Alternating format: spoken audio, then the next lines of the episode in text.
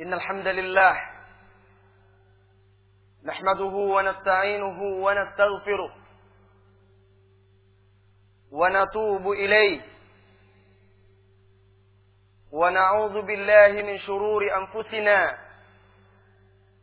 وسيئات أعمالنا من يهده الله فلا مضل له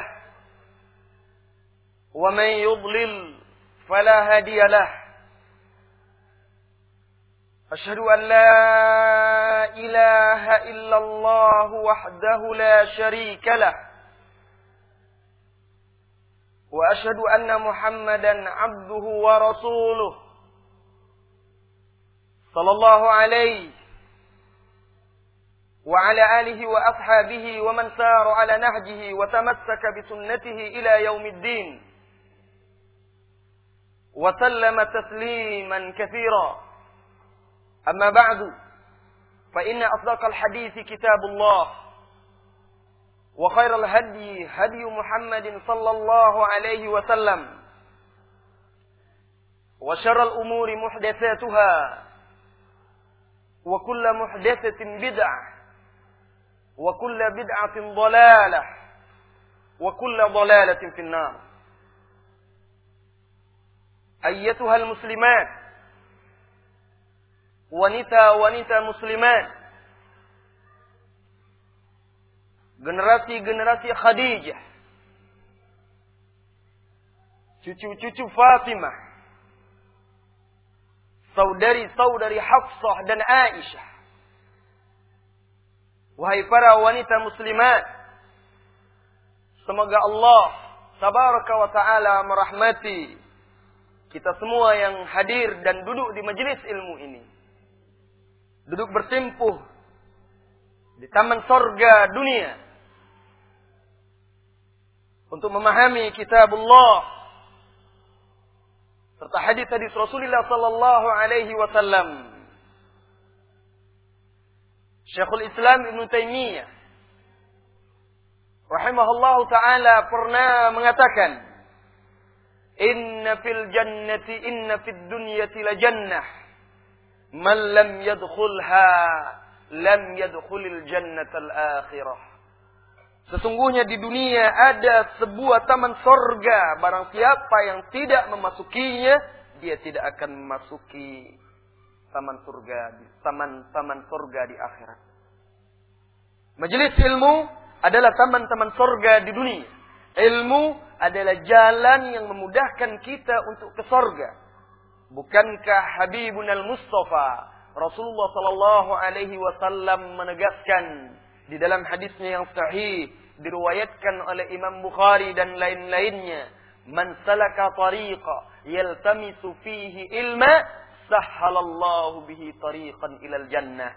Barang siapa yang menempuh jalan untuk menuntut ilmu, Allah mudahkan baginya jalan menuju surga. Ya Allah, mudahkanlah jalan kami menuju surga. Ikhlaskan kami untuk menuntut ilmu karenamu semata ya Allah.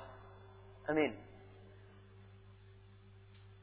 Ibnu Qayyim Al-Jauziyah rahimahullah taala murid Ibnu Taimiyah Allahu yarhamhu menegaskan di dalam kitabnya Madarijus Salikin Inna salika ila Allah sesungguhnya seseorang yang sedang menempuh jalan menuju Allah saya dan saudari-saudari semuanya kita berada di atas jalan menuju Allah tabaraka wa taala. Kita berharap agar bisa bertemu dengan Allah di sorga. Menatap wajahnya yang merupakan kenikmatan yang paling indah dan paling nikmat bagi penghuni sorga. Nah kata Ibnu Qayyim al-Jauziyah. Seorang yang sedang menempuh jalan menuju sorga. Dia pasti akan mendapat tantangan. Akan ada aral yang merintangi jalannya. Fala yunjiha illal ilm maka tidak ada yang bisa menyelamatkannya, membentenginya, menjaganya, meluruskan langkahnya, meneguhkan kakinya di atas jalan menuju Allah tabaraka wa taala kecuali ilmu. Ilmu syar'i, ilmu syar'i yang insya Allah sedang kita pelajari hari ini. Untuk itu kita berkumpul. Semoga Allah tabaraka wa taala menjadikan pertemuan kita ini pertemuan yang dirahmati dan perpisahan kita setelahnya perpisahan yang dijauhkan dari perpecahan. Ayyatuhal muslimat. Yang semoga senantiasa dirahmati oleh Allah tabaraka wa ta'ala. Wanita yang menggenggam bara api. Itu judul kajian kita pada kesempatan yang yang diberkati ini insyaallah taala. Mungkin ada tanda tanya. Apa sebenarnya yang dimaksud oleh Ustaz? Apakah maksudnya wanita itu akan maksudnya wanita-wanita yang di neraka? Kok wanita saja disebut menggenggam bara api? Ketahuilah wahai saudariku, wanita muslimat, para ummahat, para fatayat.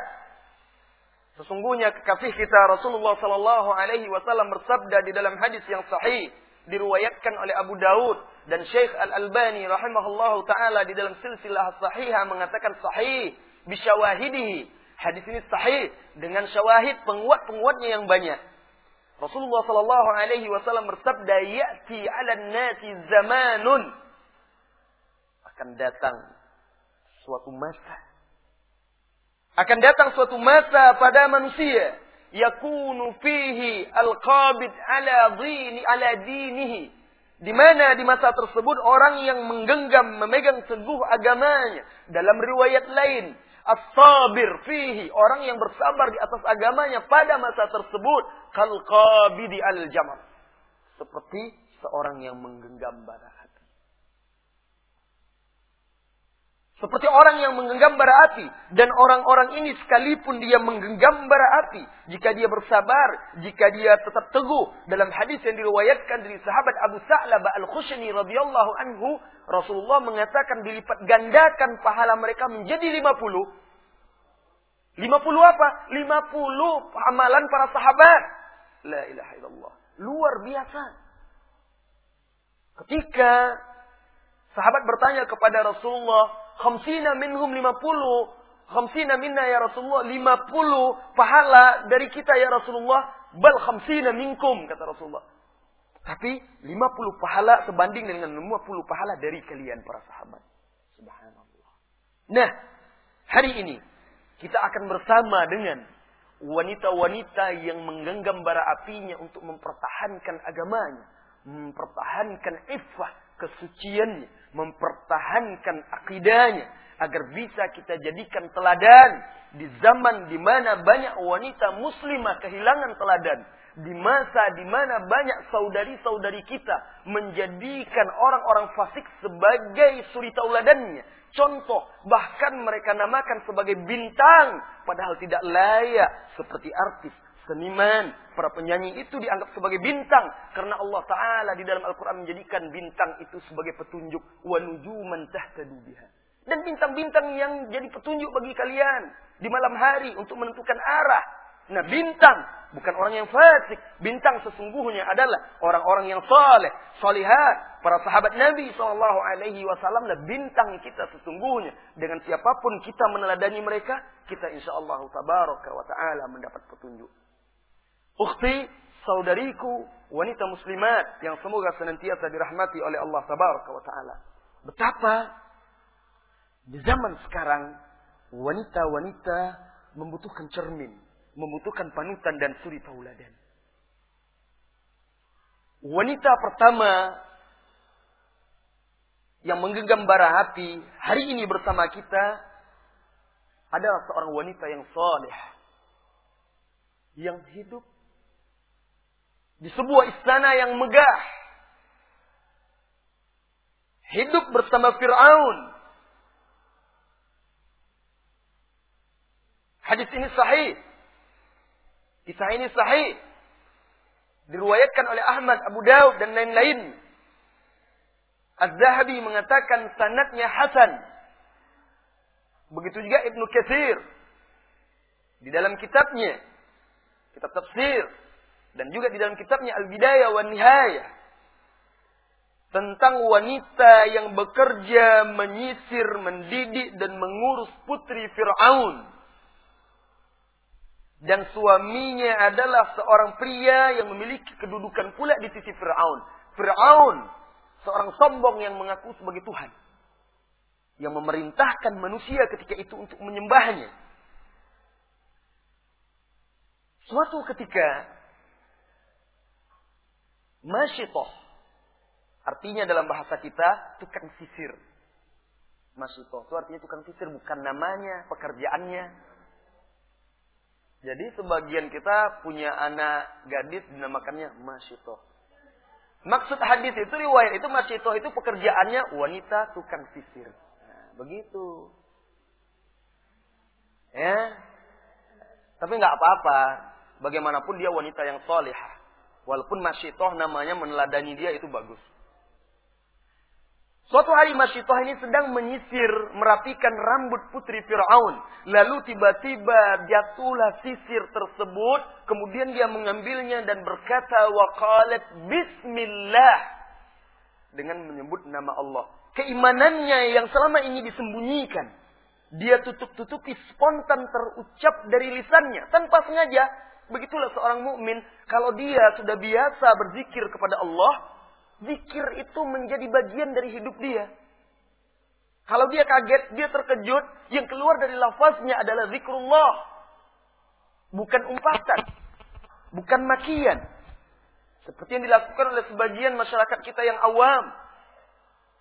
Ketika terjadi sesuatu kaget, dikejutkan oleh sesuatu malah mengumpat, memaki-maki. Tetapi seorang yang terbiasa berzikir kepada Allah seperti Masyitah tadi, wanita yang salihah ini, karena hari-harinya dipenuhi oleh zikir.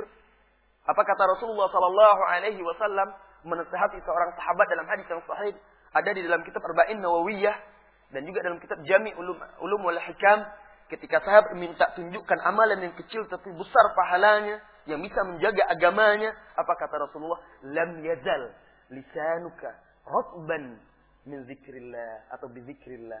Jaga lisanmu agar senantiasa basah dengan zikrullah. Saudariku, ukhti, wanita muslimat, lihatlah kehidupan kita. Dengan apa kita membasahi lisan dan bibir kita? Kalau saudari-saudari ingin tahu, maaf jangan marah kepada saya, pergilah ke majelis-majelis para wanita. Pergi ke warung, pergi ke pasar, pergi ke tempat wirid-wirid perkumpulan para wanita. Apa yang membasahi bibir-bibir mereka di sana? Kanibal! Apa maksudnya kanibal? Oh, orang Irian atau orang sana yang memakan daging manusia. Tidak! Kanibal yang saya maksud itu berdasi, berpendidikan, memiliki titel, tetapi memakan daging saudari-saudarinya sendiri karena menggunjing. Kan kanibal itu. Ya. Gak salah istilahnya Allah sendiri yang mengatakan dalam surah Al-Hujurat. Ya. Surah Al-Hujurat. Wala yaktab ba'dukum ba'do, kata Allah. Jangan kalian saling menggunjing satu dengan yang lainnya. Ayuhibbu ahadukum ayyakula lahma akhihi maita. Apakah engkau ingin Apakah engkau ingin memakan daging saudaramu sedangkan dia sudah mati? Hah? Kalau ada yang melakukan itu, lihatlah. Siapa itu yang masuk penjara itu, yang difilmkan itu? Sumanto itu kan makan bangkai manusia. Nah, orang-orang yang menggunjing itu seperti Sumanto itu. Eh, Allah yang mengatakan. Apakah kamu ingin memakan daging manusia, daging saudaramu, sedangkan dia dalam keadaan mati, bangkai? Dan kamu membencinya, tidak menginginkannya, jijik. Lihat. Betapa ternyata kita membasahi lisan kita bukan dengan zikrullah, tapi dengan kata-kata yang apabila diteteskan ke samudra akan menodainya. La ilaha illallah. Masyitah, tukang sisir putri Fir'aun ini.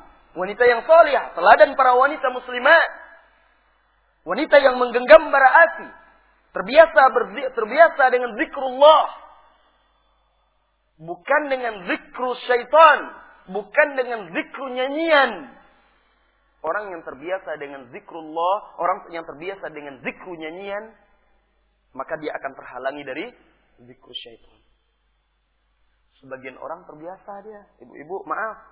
Nyanyian itu kan enak. Indah, nikmat. Sehingga hari-harinya disibukkan dengan bersenandung. Ya, bersenandung. Subhanallah musibah. Kemungkaran, kemungkaran yang mengepung kita dari segala arah. Kalau ibu-ibu pergi ke pantai bersama keluarga, Hati-hati ibu dilukai dengan racun-racun nyanyian. Kalau ibu-ibu pergi ke tempat-tempat taman, ke taman-taman, saat kita berhenti di lampu merah, lihatlah. Depan, belakang kita, telinga kita diracuni, hati kita dilukai, jiwa kita dinodai dengan nyanyian yang tidak benar. La ilaha illallah. Ini zikru, zikru syaitan, zikru nyanyian. Barang siapa yang cinta gandung dengan nyanyian, otomatis dia akan jauh dari zikrullah, zikru Al-Quran. Kenapa? Karena Allah tabaraka wa ta'ala berfirman. A'udzu billahi minasyaitonir rajim. Bismillahirrahmanirrahim. Wa minan nas di surat Luqman.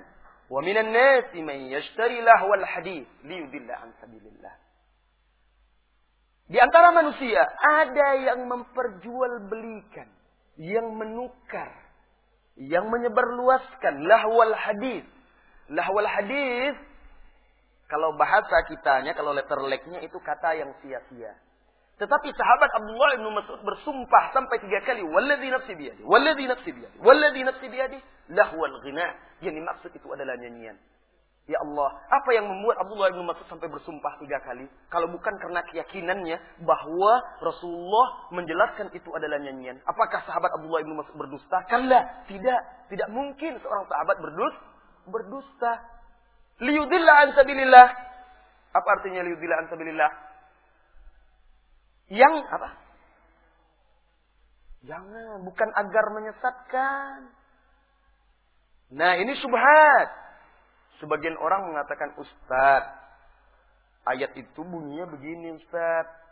Di antara manusia ada yang memperjualbelikan lahwal hadis, nyanyian agar menyesatkan atau untuk menyesatkan manusia dari jalan Allah. Yang tidak boleh itu Ustaz, kalau nyanyian itu menyesatkan dari jalan Allah. Kalau tidak menyesatkan tidak boleh karena ayat itu bunyinya agar atau untuk menyesatkan. Ah, tidak.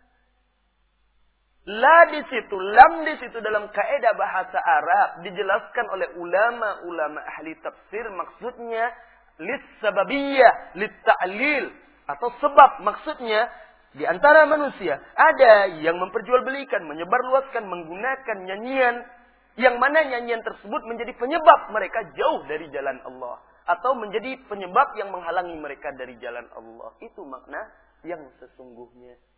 Dari sinilah Inti kesimpulan yang saya jelaskan tadi, barang siapa yang gandrung dengan nyanyian, maka otomatis akan menghalanginya dari Al-Quran, dari jalan Allah Tabaraka wa Ta'ala. Kembali kepada suri tauladan kita, Masyitoh, yang menggenggam bara api. Tatkala Masyitoh mengucapkan Bismillah, terkejut putri Fir'aun. Lalu putri Fir'aun tersebut menyela. Allah, Abi. Allah, engkau maksud Allah itu ayahku. Dia hanya tahu Tuhan itu adalah ayahnya Fir'aun yang mengaku sebagai Tuhan. Qalat Masyitoh dengan keteguhan sebagai seorang mukminah sejati dia berkata, Kalla bal Allahu Rabbi wa Rabbuki wa Rabbu Abiki. Tidak, sama sekali bukan begitu. Tetapi Allah itu Rabbku, Rabb kamu dan Rabb ayah kamu. Lebih terkejut lagi. Putri Fir'aun ada orang, ada Tuhan selain ayahnya. Aneh. Lalu dia mengancam, saya akan sampaikan ini kepada ayah saya. Silahkan. Masyitah mengatakan silahkan. Lalu sang putri tersebut datang kepada ayahnya dan bercerita menyampaikan bahwasanya ternyata Masyito menyembah Tuhan selain daripada dia. Marah, dipanggil Masyito. Lalu ditanya, siapa Rabbmu? Marabbuk. Qalat Rabbi Allah. Rabbi wa Rabbuka Allah. Rabbku dan juga Rabbmu. Tuhanku yang telah menciptakanku dan juga menciptakanmu adalah Allah. Kaget Fir'aun. Di dalam istananya ada orang yang menyembah Allah. Tidak menyembahnya. Ini sangat aneh. Karena itu dia sangat murka. Lalu dipaksanya masyitah untuk kafir. Kufur terhadap Allah tabaraka wa taala dan beriman kepada tagut Firaun tetapi masih tetap teguh memegang akidahnya. Bahkan diancam jika engkau tidak mau beriman saya akan menyiksamu. Tetapi begitulah keimanan. Apabila cahayanya telah memasuki relung-relung jiwa, lalu mencekram dan menghujam di dalam hati, dan pohonnya berdiri dengan kokoh, menjulang tinggi, rindang menaungi, maka pemiliknya akan tetap teguh, tidak akan tergoyahkan, sekalipun harus mengorbankan darah dan nyawanya. Sekalipun harus mengorbankan darah dan nyawanya. Saya teringat ketika peristiwa perang Tatar antara Sultan Muzaffar Qutuz ketika dia hendak berperang melawan pasukan Tatar yang sudah sampai ke negeri Syam. Hari itu hari Jumat. Muzaffar Qutuz berkata kepada pasukan kaum muslimin yang hendak berjihad, "Intaziru hatta yas'ud hatta yas'ud al-khatib al-mimbar." Tunggu sampai khatib naik ke mimbar. Hari ini hari Jumat dan manusia mengaminkan doanya. Dia berharap, dia berharap khatib yang di seluruh negeri-negeri kaum muslimin mendoakan mereka agar diberikan kemenangan dan diaminkan oleh manusia. Lalu terjadilah peperangan yang sangat dahsyat. Ketika peperangan terjadi, kemenangan-kemenangan dicapai oleh kaum muslimin di antara pasukan yang tergeletak ada seorang pahlawan, pasukan bersimbah darah, tetapi dia memakai topeng. Tatkala disingkapkan ternyata istri dari Musaf, Muzaffar Kutus tersebut. La ilaha illallah. Sehingga Muzaffar Kutus berkata, Wa zaujah, aduhai istriku, aduhai istriku, alangkah kasihannya engkau tergeletak dengan bersimbah darah. Apa jawab sang istri yang memiliki keimanan yang kokoh? Apa kata dia? Jangan katakan wa zaujah. Jangan katakan aduhai istriku. Walakin kul wa islamah. Tetapi katakan aduh Islamku. Wahai Islamku. Jangan katakan wahai istriku. Ketika di detik-detik dia terakhir. Tetap Islam. Yang ada di dalam jiwa. Ini wanita-wanita yang menggenggam bara api. Wanita yang menggenggam bara api. La ilaha illallah. Di mana wanita-wanita zaman sekarang keteguhannya yang bisa menandingi mereka? Tidak usahlah menumpahkan darah, cukup untuk membenahi dirinya, teguh dari tengah keluarganya, di tengah masyarakatnya, mempertahankan akidah dan ajaran agamanya. Masyitoh, masyitoh, dipanggil, lalu akhirnya diseret anak-anaknya oleh Fir'aun. Diseret, dihadapkan, lalu diperintahkan oleh Fir'aun untuk dinyalakan uh, tungku Lalu diambil periuk yang besar. Lalu dipanaskan, dididihkan minyak, menggelegak. Nampak asapnya di hadapannya, didekatkan dia dengan anak-anaknya, lalu diancam, engkau beriman, engkau beriman kepadaku atau tidak? Jika engkau tidak beriman, aku campakkan anakmu satu persatu dalam minyak yang mendidih tersebut. Tapi dia tetap teguh. Dia yakin itu hanyalah sakit yang sedikit. Saat kemudian setelahnya kenikmatan yang sangat.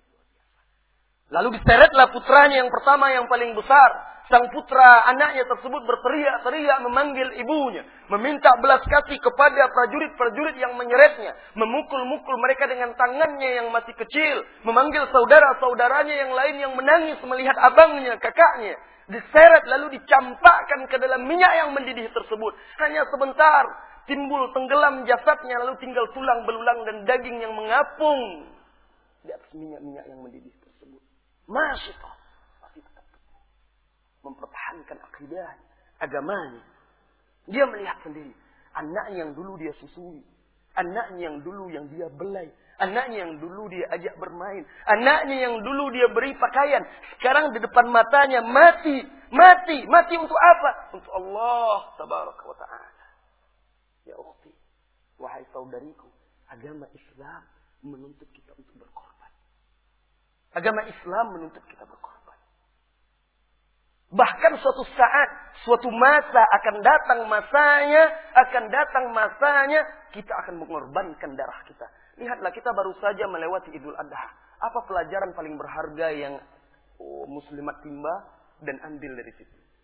Lihatlah pengorbanan Bagaimana Ibrahim memberikan contoh pengorbanan karena kepatuhan dan ketaatan kepada Allah Taala. Ketika Allah perintahkan menyembelih anaknya, karena itu perintah Allah di atas mata dan kepala. harus didahulukan dari kasih sayang dan hawa nafsu kita kepada dunia dan anak istri kita, suami kita. Dijalankannya juga perintah tersebut. Akhirnya mereka berhasil melewati ujian tersebut dan Allah gantikan tidak jadi dia menyembelih anaknya. Karena mereka lolos. Lulus ujian, lulus ujian. Dan dahulu wanita-wanita muslimat dari masa ke masa mereka telah berkorban untuk agama ini. Ada yang berkorban dengan hartanya, ada yang berkorban dengan waktunya, ada yang berkorban dengan keluarganya, ada yang bahkan ada yang berkorban dengan nyawanya. Masyitoh. Lalu diseret lagi anaknya yang berikutnya. Dipaksa lagi di hadapan matanya agar surut agar surut keimanannya, diseret, dibuang, dicampakkan lagi dalam kuali tersebut. Sang anak menjerit-jerit, merintih-rintih, timbul tenggelam dalam minyak yang menggelegak tersebut. Tinggallah kulit daging-daging yang memutih, matang dan tulang belulang, bersatu dengan tulang-tulang saudara-saudaranya yang lain. Dan begitu seterusnya. Anak pertama, kedua, ketiga, keempat, kelima. Sampai akhirnya tinggal satu anaknya yang masih dalam gendongannya yang masih menyusu. Subhanallah. Saudariku, pernah dalam sebuah hadis yang sahih di sahih Muslim, dalam sebuah peperangan, umat Islam berhasil menang. Lalu ada tawanan-tawanan perang. Dalam tawanan perang tersebut tampaklah seorang wanita yang berlari ke sana kemari mencari anaknya. Rasulullah melihat hal tersebut bersama para sahabatnya. Lalu dapatlah anaknya yang masih bayi di antara tawanan yang lain, diambilnya langsung disusuinya. Lalu apa kata Rasulullah kepada para sahabat? Atarawna anna hadhihi al-mar'ah tulqi waladaha finnar? Apakah menurut kalian wanita ini akan atau mau mencampakkan anaknya ke dalam api? La ya Rasulullah itu tidak mungkin kata para sahabat. Ya, Lalu kata Rasulullah, Allah arham bi ibadihi. Allah lebih sayang kepada hambanya dari seorang ibu kepada putranya. Seorang ibu, kata kata sahabat, tidak akan mungkin dia akan membuang anaknya, mencampakkan anaknya kalau memang itu ibu yang masih memiliki hati manusia. Tapi di zaman sekarang banyak ibu, fisiknya yang ibu, tetapi hatinya hewan. Sehingga membunuh dan mencampakkan anak, anak-anak. Nah, Lalu ditarik anaknya tersebut.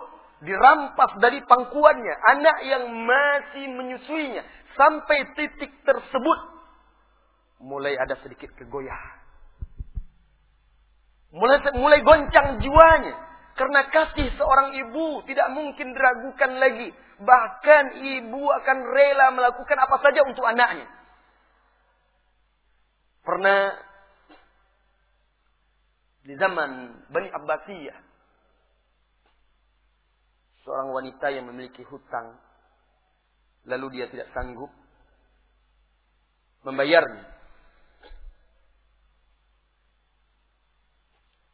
Lalu datanglah orang yang menghutanginya tersebut ke rumahnya menagih dari hari ke hari dia tidak juga sanggup suatu ketika memuncak kekesalan dan kemarahan orang yang menghutanginya. Datang dia ke rumah, wanita ini juga meminta maaf karena dia tidak sanggup membayar, dipukul, ditempelengnya wanita tersebut.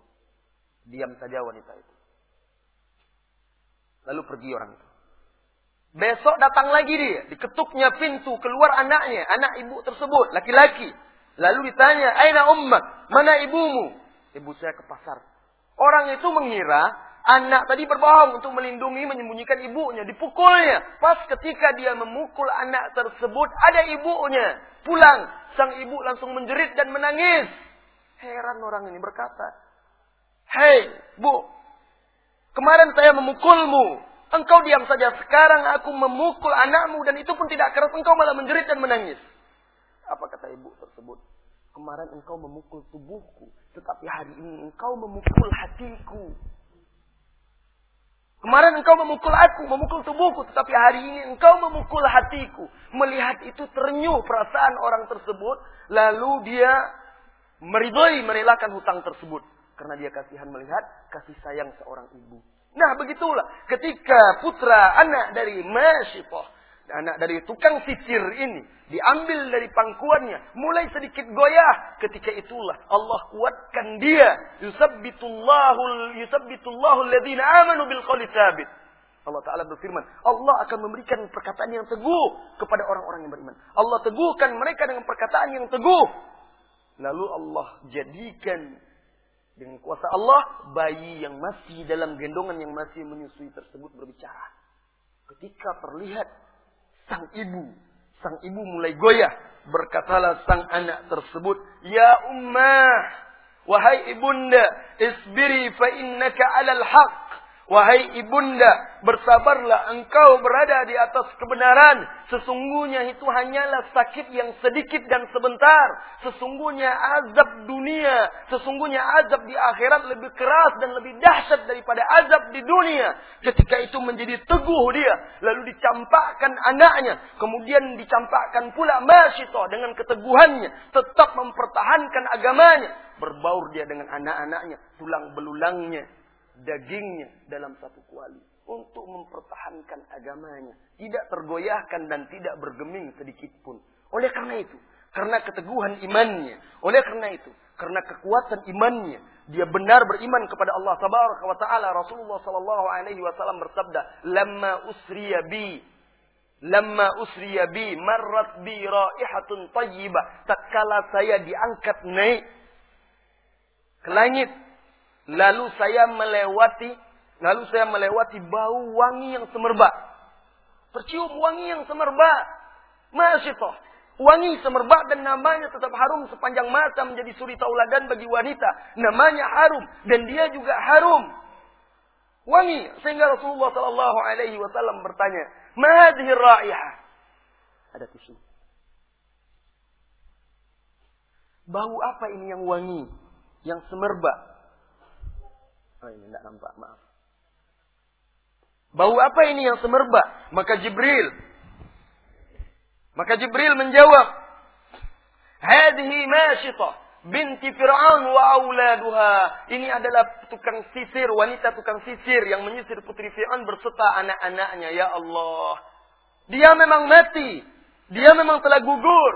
Dia memang telah meninggal tetapi sesungguhnya dia tidak mati. Wala tahsabanna alladziina qutilu fi sabilillahi amwata. Jangan kalian kira orang yang terbunuh di jalan Allah itu mati. Bal ahya inda rabbihim yurzakun. Tetapi sesungguhnya mereka hidup di sisi Rabbnya, diberi rezeki. Farihina bima atahumullahu min fadli. Mereka gembira, bangga dengan anugerah yang Allah berikan kepada mereka di sisinya. Ya Allah, jadikanlah wanita-wanita muslimah kami Jadikanlah putri-putri kami, jadikanlah anak-anak gadis kami, generasi-generasi yang mengikuti masyitoh, mempertahankan agamanya. La ilaha illallah. Di mana kita akan mendapatkan generasi-generasi masyitoh? Generasi-generasi masyitoh tidak lahir di jalanan. Generasi-generasi masyitoh tidak terbentuk di pentas-pentas seni Generasi-generasi masyitah tidak lahir dan terbentuk tumbuh di gelanggang-gelanggang olahraga. Di tepi-tepi pantai, di tengah-tengah malam yang gelap gulita. Tidak. Generasi-generasi masyitah lahir dari majlis-majlis ilmu. Yang di situ dibacakan kitabullah. Di situ dibacakan hadis-hadis Rasulullah Sallallahu Alaihi Wasallam yang sahih. Yang di situ dibacakan sirah sahabiat. Wanita-wanita yang salihah. Generasi-generasi masyitah lahir dari puasa, dari salat malam, dari mendekatkan diri kepada Allah tabaraka wa taala. Jika kita ingin menjadi generasi masyitah, jika kita ingin anak-anak kita tumbuh sebagai generasi masyitah yang mempertahankan agamanya, bukan menjual agamanya untuk dunianya. La ilaha illallah. Di zaman sekarang berapa banyak yang wanita mengorbankan agamanya untuk dunianya, bukan mengorbankan dunianya untuk untuk agamanya. Saudariku wanita-wanita muslimat, wahai para ibu. Engkau menjadi anak-anak engkau di atas akidah yang benar, di atas Islam yang benar, di atas akhlak yang benar.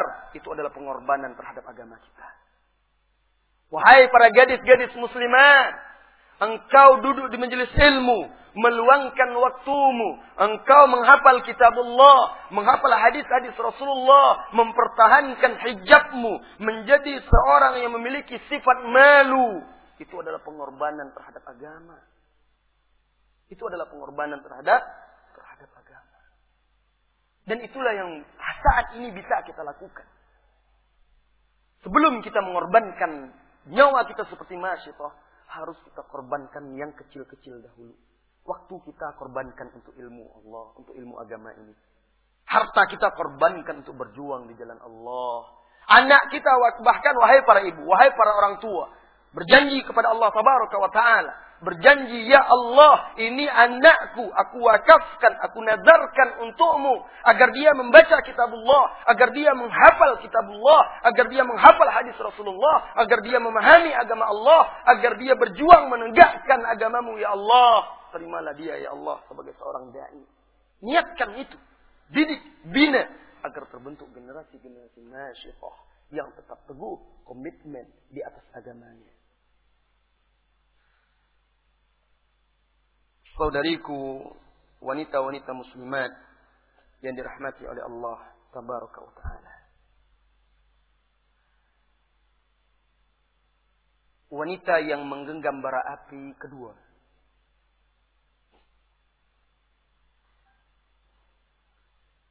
Seorang ratu. Seorang ratu.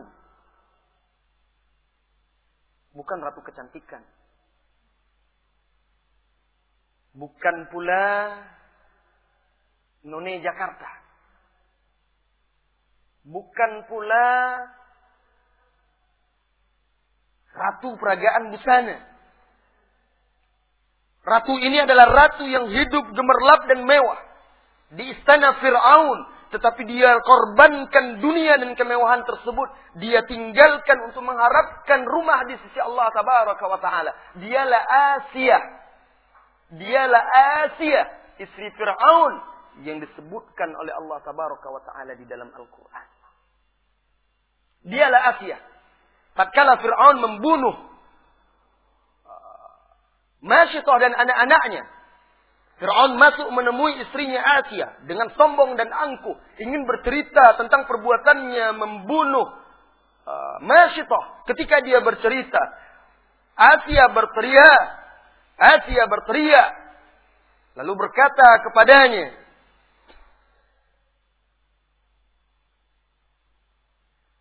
Wailak, al-wailu lak.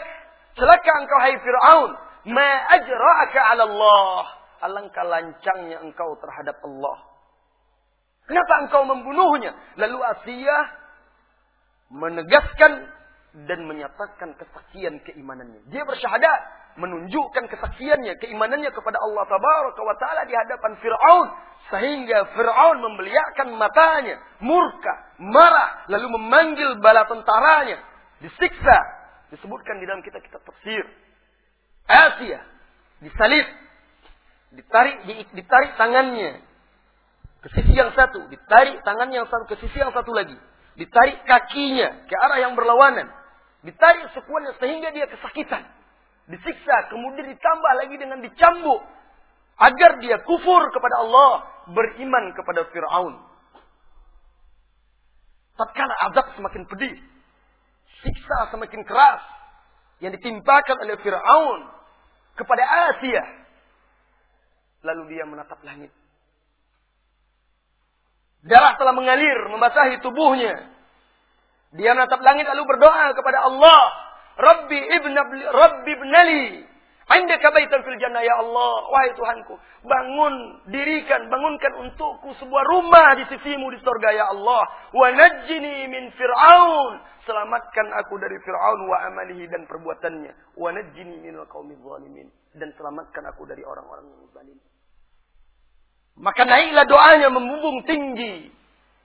Membumbung tinggi dan menembus pintu-pintu langit didengar oleh Allah tabaraka wa taala Ibnu Katsir berkata di dalam kitab tafsirnya fakashafallahu laha an baitiha fil jannah. Lalu ketika itu Allah singkapkan langit Allah perlihatkan rumahnya di sorga. Ketika siksa semakin keras ketika azab semakin pedih darah mengucur dan mengalir urat-uratnya sudah mulai putus. Asia malah tersenyum. Sehingga Firaun semakin marah. Kenapa tersenyum? Karena dia melihat rumahnya di sorga dia tersenyum. Sehingga akhirnya dia menembus, menghembuskan nafasnya yang terakhir. Dan jadilah dia menjadi ratu yang kekal di dalam surga. La ilaha illallah.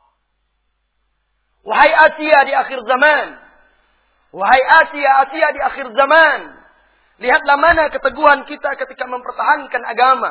Hanya karena cemoohan, olok-olokan sebagian dari tetangga-tetangga, teman-teman, kerabat kita sesama bekerja. Lalu kita luntur sehingga kita enggan dan malu untuk mengamalkan Islam. Lalu kita mengharapkan pula sebuah rumah di sorga. La.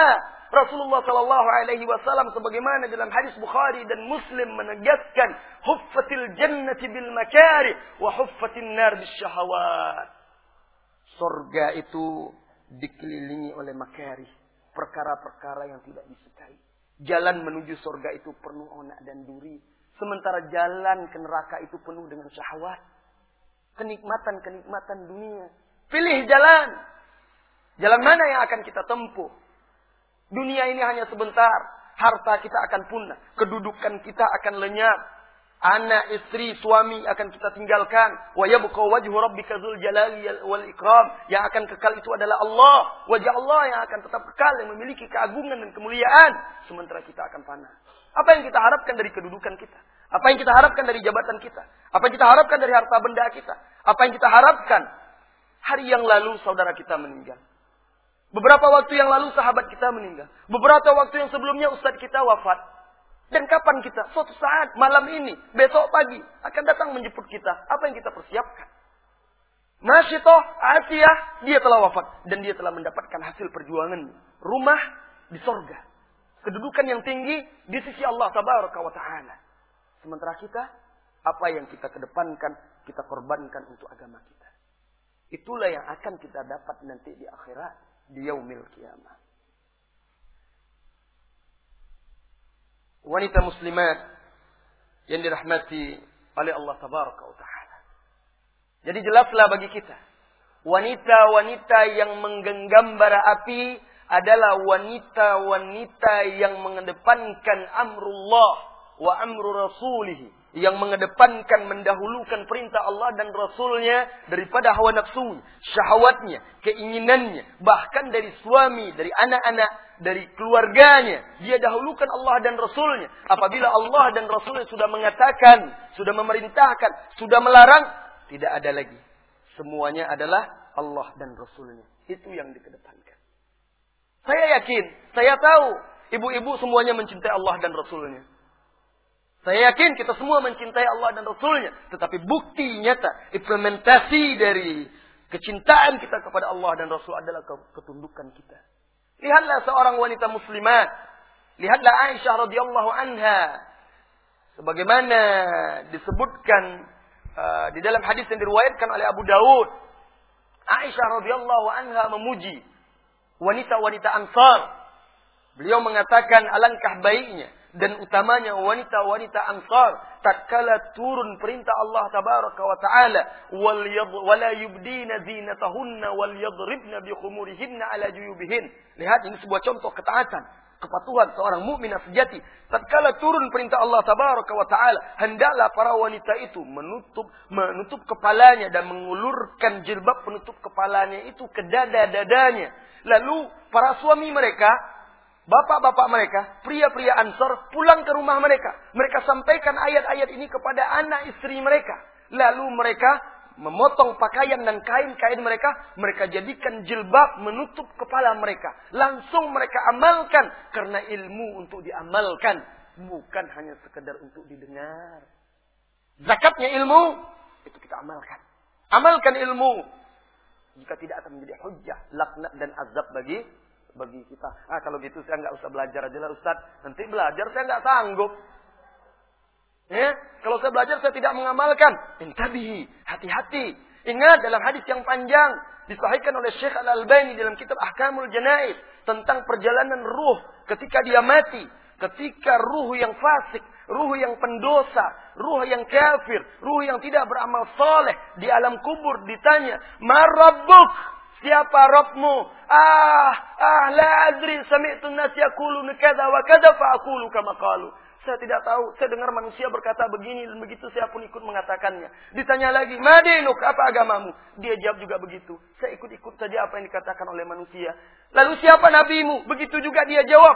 Lalu malaikat memukulnya dengan keras. Malaikat membentaknya dan berkata, La darait, wala talait.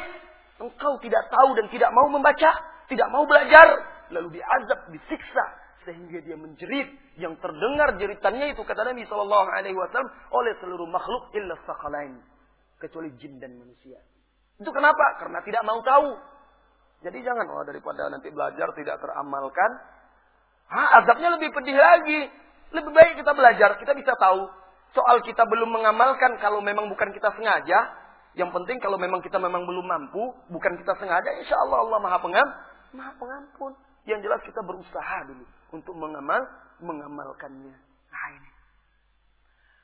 Wanita-wanita yang menggenggam bara api. Mereka adalah wanita-wanita yang memiliki akhlak yang mulia. Yang cita-cita, himmah, tekadnya adalah untuk agama Allah tabaraka wa ta'ala. Bukan hanya sekedar dunia, bukan hanya sekedar pakaian, bukan mode, bukan make up, bukan ini itu, bagaimana sepatu Anda, bagaimana tas Anda, bagaimana ini itu dan segala macam. Pembicaraan dia, tekad dia, cita-cita dia. Saya apa yang saya bisa perbuat untuk agama Allah tabaraka wa taala. Dia juga ingin meninggalkan dunia ini semerbak seperti Masyitah. Karena dia adalah cucu-cucu Masyitah generasi-generasi penulis nasyid. Tatkala dari Anas bin Malik ada seorang pemuda yang bernama Julaibib.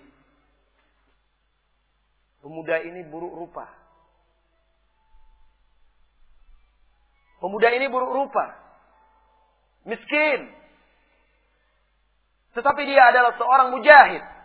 Pejuang yang menegakkan agama Allah. Lantas Rasulullah Sallallahu Alaihi Wasallam pernah, pernah bertanya kepada dia, Julaibib, kapan menikah? Julaibib menyadari kondisi diri dia, miskin, buruk pula, sehingga dia tidak menjawab. Sementara Rasulullah berusaha mencari kesempatan untuk menikahkan dia. Sampai akhirnya datang seseorang. Datang seseorang bapak yang menawarkan anaknya yang ketika itu janda kepada Rasulullah SAW untuk menjadi istri Rasulullah SAW. Lalu apa kata Rasulullah? Ya, saya akan menikahi, menikahkannya, bukan menikahinya, menikahkannya. Senang sang bapak itu. Ya Rasulullah, kami menerimanya ya Rasulullah. Maksud saya, saya akan menikahkannya dengan Julaibib. Julaibib, Kaget ayahnya. Julaibib, saya akan bicara dulu dengan ibunya. Hatta astamira ummahu, ummaha. Tunggu-tunggu ya Rasulullah. Sampai saya berbicara dengan ibunya.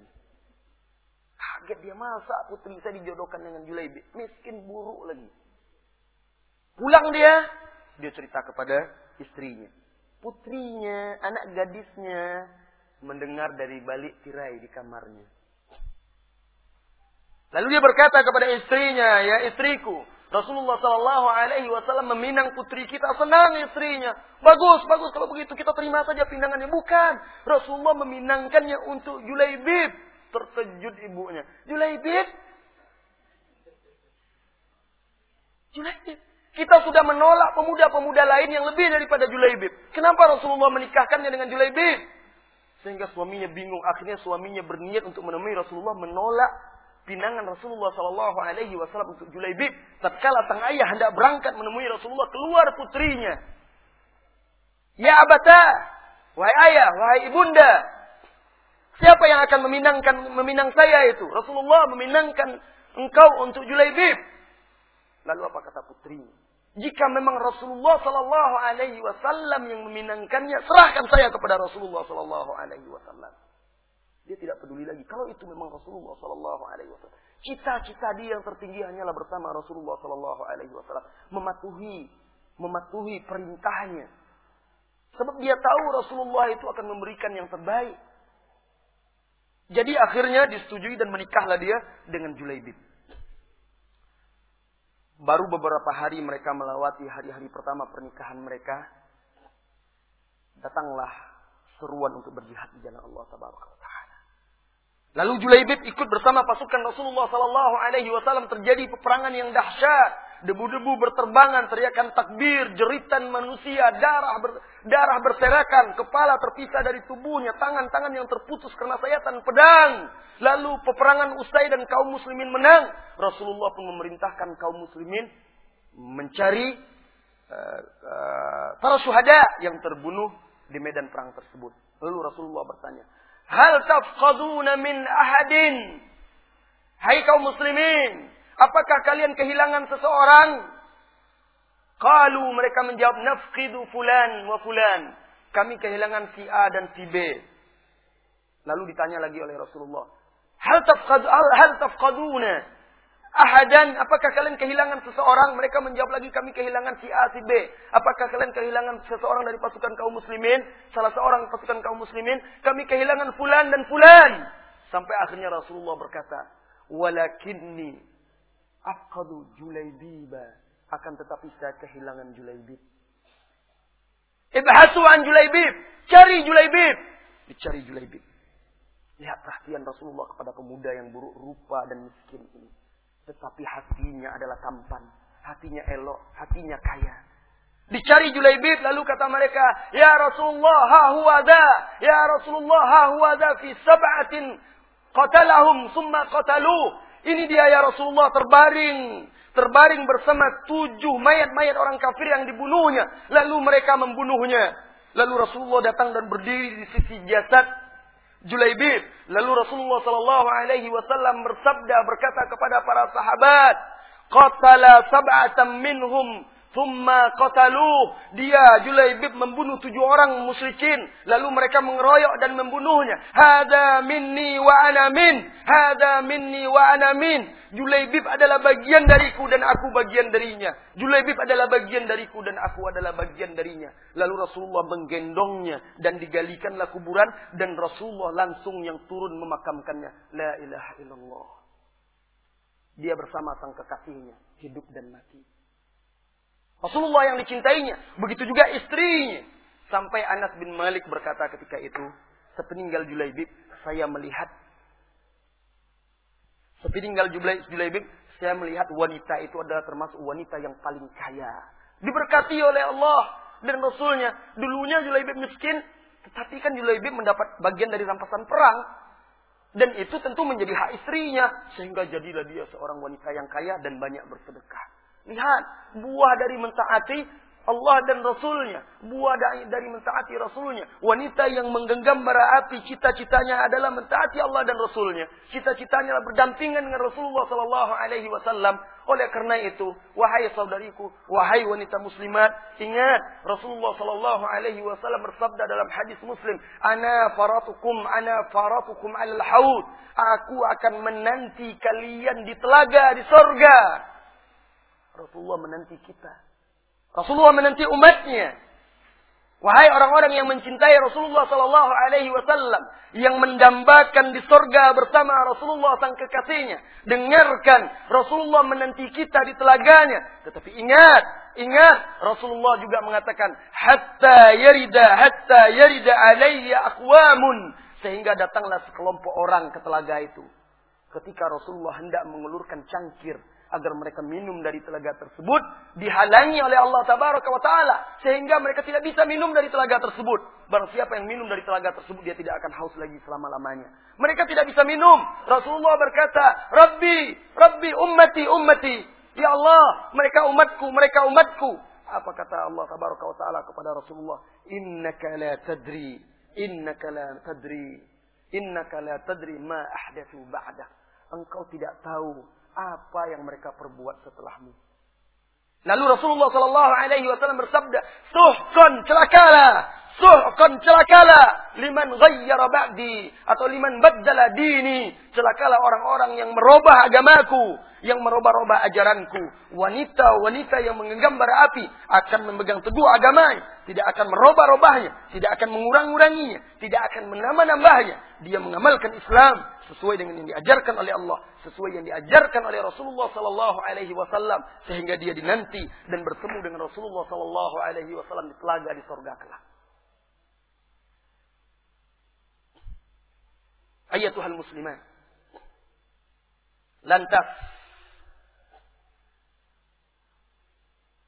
Bagaimana kiat dan upaya kita?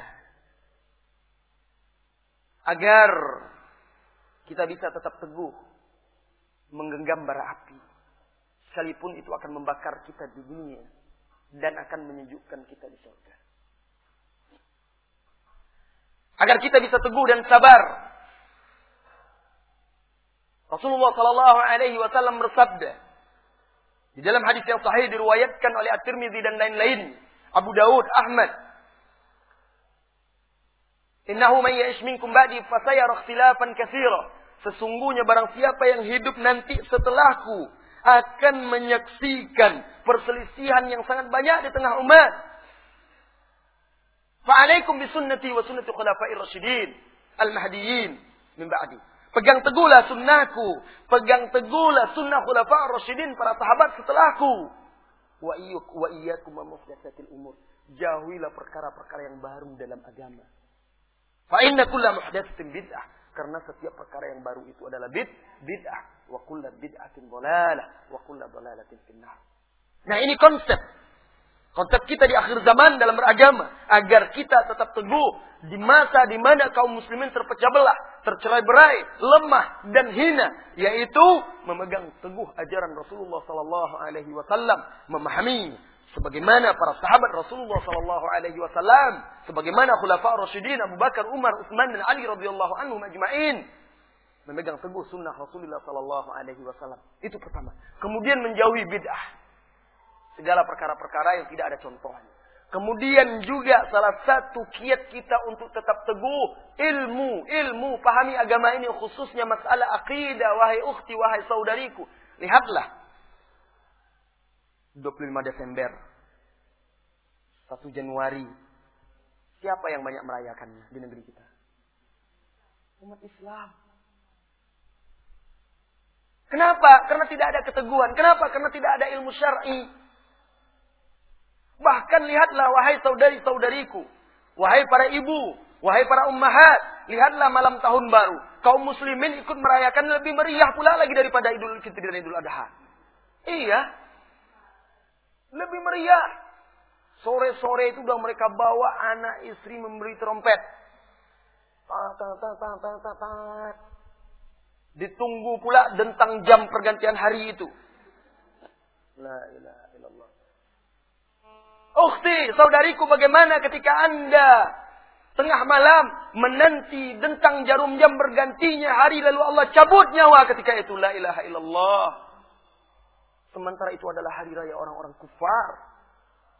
Murka dan laknat Allah turun ketika itu. Umar bin Khattab radhiyallahu anhu. Amirul Mukminin sebagaimana diriwayatkan oleh Abdul Razak di dalam kitab musannafnya mengatakan, "La tadkhulu 'ala al-musyrikin fi kana'isihim fi a'yadihim, fa inna Allah tanzilu 'alaihim." Jangan kalian masuk, jangan kalian ikut serta bersama orang-orang musyrikin, baik dalam gerejanya atau di mana pun ketika mereka sedang merayakan hari raya hari raya mereka, sesungguhnya kemurkaan Allah turun kepada mereka. Apa yang membuat kaum muslimin lalai, lengah, terpedaya, mengekor dan meniru orang-orang kufar? Karena lemahnya iman, lemahnya iman karena kurangnya ilmu syar'i. Kalau saja mereka tahu itu budaya kufar, tidak sejalan dengan akidah kita, sengaja dipropagandakan oleh orang-orang kufar untuk menjauhkan kita dari akidah kita, lalu kita lemah, ketika itu mereka akan menghancurkan kita. Kalau saja itu mereka mengerti dan paham dan memahami makna tauhid, makna la ilaha illallah, memang betul-betul ditanamkan oleh para dai, para ustadz dan para ulama, para orang tua, niscaya, niscaya mereka menjadikan tanggal 25 tanggal 1, tanggal 14, tanggal-tanggal lainnya yang mereka rayakan seperti hari Pasca dan semisalnya sama seperti hari-hari lainnya tidak ada kelebihannya. Karena hari raya kita sudah ada. Idul Fitri, Idul Adha, hari Jumat. Itu yang harus kita meriahkan. Itu yang harus yang harus kita meriahkan. Apakah rela kita orang itu merayakan kelahiran Tuhannya Orang itu merayakan kelahiran Tuhannya. Tuhannya lahir. Sementara kita adalah umat yang mengemban Allahu ahad, Allahu samad, lam yalid, walam yulad, walam yakullahu kufuan ahad. Lalu kita ikut pula menyemarakkannya. Nah, jelas ini bertentangan dengan akidah Islamiyah. Wajib bagi setiap wanita-wanita yang menggenggam bara api di akhir zaman yang mengharapkan ridho Allah tabaraka wa taala yang memiliki cita-cita yang tinggi yaitu mendambakan sorga di sisi Allah untuk menjaga keluarganya dari fitnah-fitnah yang ada di depan mata seperti tahun baru nanti. Ya? Karena itu menunjukkan kelemahan kita. Jaga anak-anak kita Jangan sampai jaga keluarga kita. Jangan sampai terpedaya dan terpengaruh. Malam itu, hari itu maksiat tumpah di muka bumi. Jaga anak kita. Jaga, jaga anak kita. Daripada kita menunggu detak jarang, detak jam perpindahan hari itu, lebih baik kita tidur untuk bangun tengah malam nanti bisa sholat malam, bisa sholat subuh berjamaah. Ini larut malam kaum muslimin bergadang menghabiskan malam tahun baru. Besok uh, orang mengumandangkan azan. Hayya ala salah. As-salatu minan naum. Tetapi mereka sedikit pun tidak tergerak. Lihat musibah. Lihat musibah. Nah jaga anak-anak kita. Jaga anak kita jangan sampai terpedaya. Trompet sudahlah tinggalkan. Ingat Rasulullah Sallallahu Alaihi Wasallam ketika akan mensyariatkan azan dalam hadis yang sahih. Hadis tersebut ada dalam kitab Bulughul Maram dan disahihkan oleh Al-Hafiz Ibnu Hajar Al-Asqalani. Ketika Rasulullah Sallallahu Alaihi Wasallam akan mensyariatkan azan bermufakat dengan sahabat, lalu ada yang mengusulkan, ya Rasulullah, bagaimana cara uh, Rasulullah ketika itu mengajak mereka bermufakat bagaimana memberitahu kaum muslimin karena sudah banyak. Ada yang mengusulkan, ya Rasulullah kita buat api besar. Apa kata Rasulullah? Apa kata Rasulullah? Itu simbol dan perbuatan orang majusi. Rasulullah tidak mau. Lalu ada yang mengusulkan dengan buk, trompet. Waktu itu dari tanduk. Rasulullah tidak setuju juga. Rasulullah mengatakan itu milik orang Yahudi. Cara orang Yahudi untuk memanggil umatnya. Lalu ada lagi yang mengusulkan lonceng. Rasulullah juga tidak setuju karena itu budaya Nasrani, simbol Nasrani. Lihat Rasulullah tidak menyukainya. Dan itu simbol orang itu ketika merayakan Natal dan Tahun Baru pakai trom, trompet, trompet. Tinggalkan. Jaga anak kita. Jaga, jaga anak kita. Ini pengorbanan kita untuk agama agama kita. Nah, wajib juga bagi para dai, baik yang wanita daiat untuk menyampaikan ke di majelis-majelisnya kewajiban kita mempertahankan dan loyal kepada la ilaha illallah. Ayatuhal muslimat, sebagaimana janji kita tadi. Nah, masih tadi sebentar. Tadi uh, apa namanya berpegang teguh dengan sunnah Rasulullah kiat kita untuk tetap teguh di zaman ini walaupun kita menggenggam bara api kemudian menjauhi bid'ah kemudian menuntut ilmu kemudian berjamaah. Jamaah ini maksudnya apa? Berjamaah ini menjaga persatuan kita di atas kebenaran. Di atas di atas kebenaran. Berkumpul berbaur dengan saudara-saudara kita yang soleh yang salihat saudari-saudari kita yang salihat yang saling nasihat menasihati kemudian menegakkan amar ma'ruf nahi mungkar. Jangan takut menegakkan amar ma'ruf nahi mungkar. Apa yang kita khawatirkan? Tidak akan dibunuh kita oleh manusia karena kita menyebut menyampaikan kebenaran itu. Kita tidak akan sampai seperti Masyisoh. Tidak akan sampai seperti Asia. Karena kita menyuarakan kebenaran. Menjelaskan kepada kaum muslimin. Kaum muslimat tentang kewajiban menutup aurat misalnya. Akan disalib pula. Kita tidak. Alhamdulillah negeri kita aman. Lalu apa yang membuat kita takut? Saling menasehati satu dengan yang lain. Yang menegur dengan cara hikmah yang bijaksana. Memberikan hadiah kepada saudari kita. Berikan hadiah buku-buku, kaset-kaset, kajian. Mudah-mudahan mereka mendapat mendapat petunjuk dari situ. Dan alangkah indahnya jika wanita-wanita muslimat semuanya memiliki semangat juang yang tinggi untuk agama Allah Subhanahu wa taala.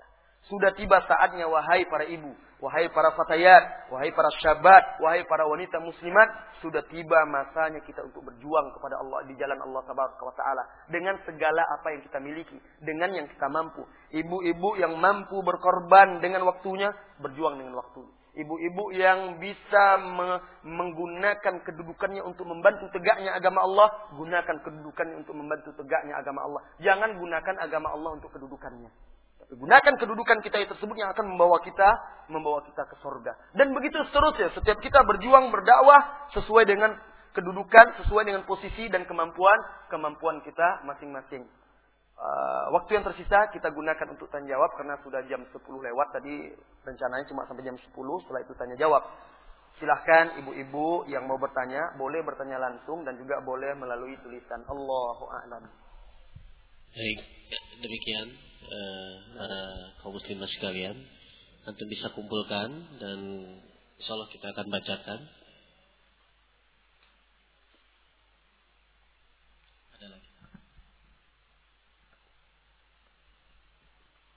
Ustadz, ada pertanyaan ibu-ibu?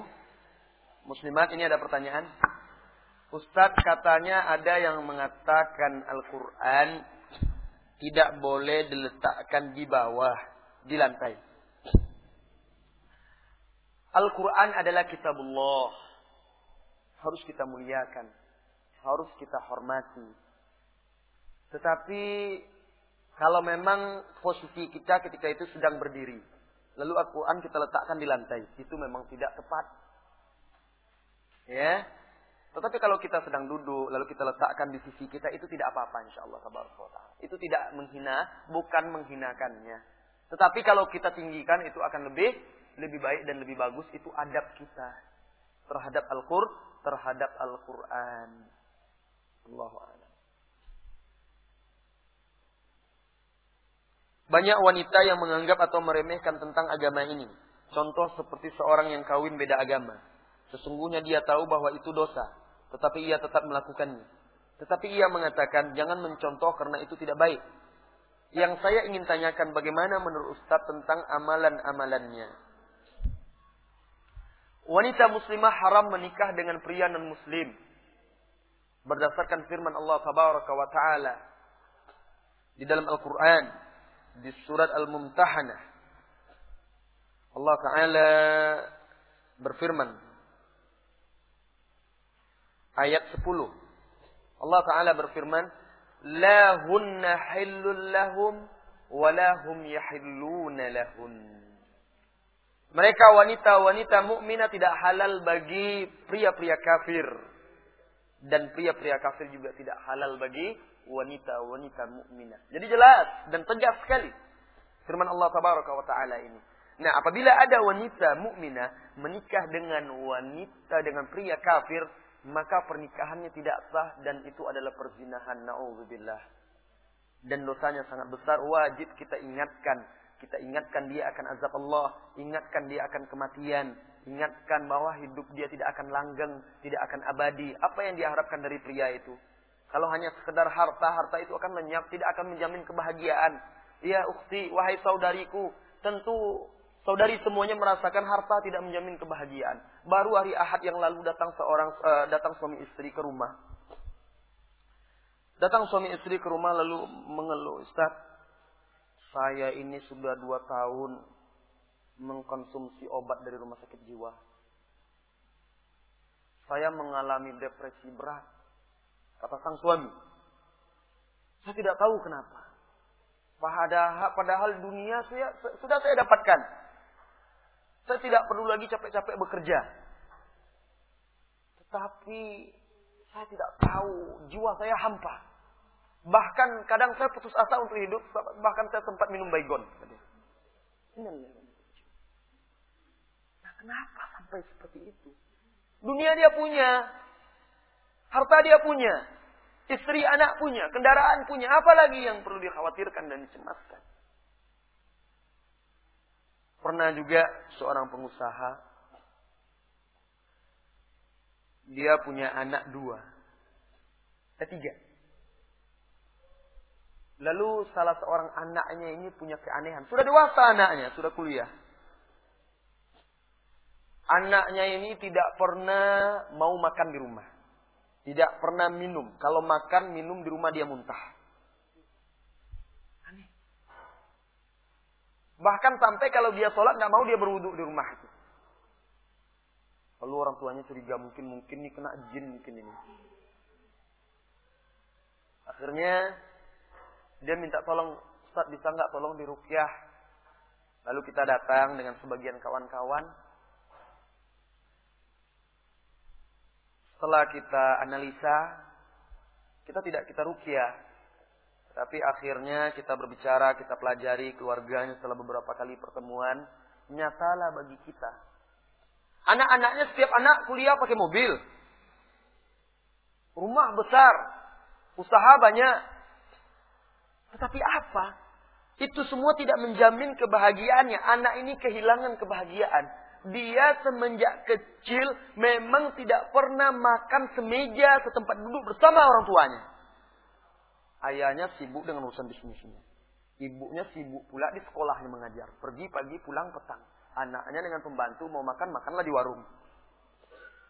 Sampai ketika saya bertamu beberapa kali ke rumahnya, biasanya tuan rumah itu akan bangga dan senang membuatkan teh, kopi untuk tamu, menghidangkan kue-kue. Ini enggak.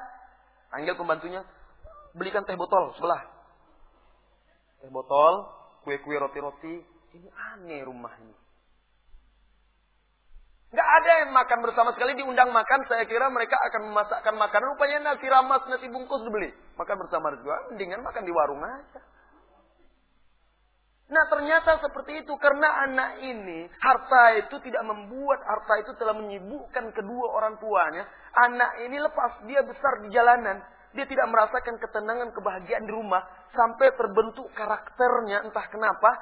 Uh, dia jadi muak dengan suasana di rumah itu. Kalau dia minum muntah. Apa psikologis dia? Dia tidak bisa terima lagi. Makan dia di rumah itu muntah. Sampai seperti itu. Akhirnya bapak itu pun pernah berkata, Ustaz, saya kadang sholat zuhur itu, kadang saya sholat asar, lupa saya berapa rakaat saya sholat. La ilaha illallah. Saya tanyakan kepada dia, lantas bapak sholat apa yang teringat? Apa yang bapak ingat? Kadang saya sedang sholat teringat berapa sak semen yang tinggal. Dia sholat, dia punya rupanya punya toko bahan bangunan yang besar. Sholat di situ pula. Tidak sholat berjamaah. Sholat pun dia akhir-akhir waktu. Sehingga terbawalah dalam sholatnya. Kapan dia akan menikmati hidup itu lagi? Orang itu kalau dia disibukkan oleh dunia, dia akan dipenjara oleh dunianya. Tidak akan bisa dia menikmatinya. Sampai waktu tidur berkurang. Waktu dengan keluarga berkurang. Waktu menikmati kehidupan berkurang. Habis untuk dunia saja. Dunia pun tidak bisa dia nikmati. Mati dia dunia itu untuk orang juga. Apalagi yang dia miliki? Tidak ada lagi. Nah ini. Jadi kita nasihatkan kepada wanita tadi. Kalau yang dia harapkan dunia. Dunia itu fana. Dia akan mati. Suaminya itu juga akan mati sementara azab Allah akan menanti. Ingatkan dia. Ajak dia bertobat dan juga doakan dia. Kalau perlu, ajak dia, dorong dia, ajak dia sekali-sekali pergi pengajian. Mudah-mudahan tersentuh dan terbuka, terbuka pintu hatinya. Adapun bagaimana dengan amalannya, dia tidak kafir. Oleh karena itu amalan-amalan yang lainnya kalau dia kerjakan insya Allah Allah tidak akan menyia-nyiakan amalan-amalannya. Kalau dia masih mempertahankan Islamnya tentu dia tidak akan jatuh kepada kekafiran tetapi dia telah melakukan dosa be, dosa besar. Allahu a'lam. Bagaimana dengan nyanyian solawat yang disenandungkan dengan suara lantang, bukan dengan suara merdu, tetapi dengan suara lantang. Kalau lantang tuh perjuangan. Kalau solawat biasanya nggak dengan suara lantang. Bersama dalam kurung bersama-sama dinyanyikan.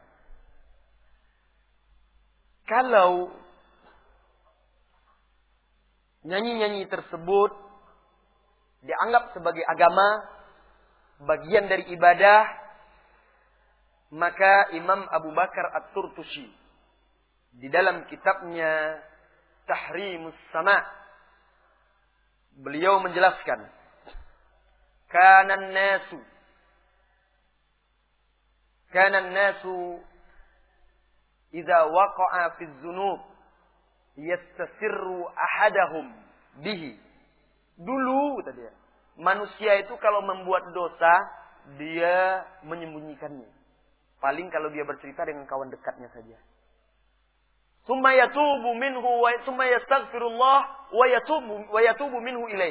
Kemudian dia beristighfar bertobat kepada Allah dari dosanya itu. Kemudian datang generasi berikutnya. Wa kasural jahlu wa ilmu. manusia semakin bodoh. Ilmu pun berkurang. Faja'a aqwamun yujahiruna bil ma'asi. Kemudian muncullah kaum-kaum orang-orang yang terang-terangan berbuat maksiat. Hatta balagana anna hatta bala hatta balagana anna ba'da ikhwanina muslimin sehingga kami mendengar ada sebagian saudara-saudara kita kaum muslimin. Lihat. Ada sebagian saudara-saudara kita kaum muslimin.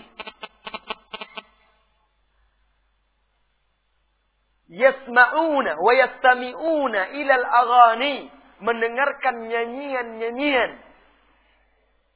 Lalu disebutkan juga di situ dengan alat-alat musik dengan hentakan-hentakan.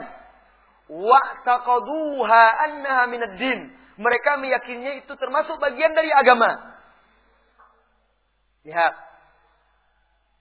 faqad khalafu al faqad khalafu fuqaha al muslimin dengan ini mereka telah menyelisihi ulama-ulama kaum muslimin.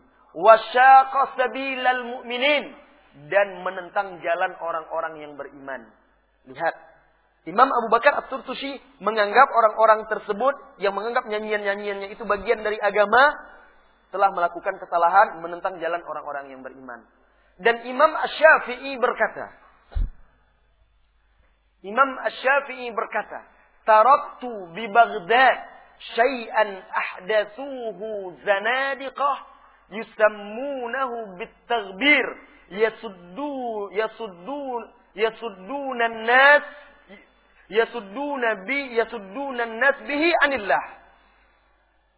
Saya tinggalkan di Baghdad sebuah perkara yang dibuat-buat oleh orang zindik mereka menamakannya takbir, bukan takbir, tapi pakai ghain.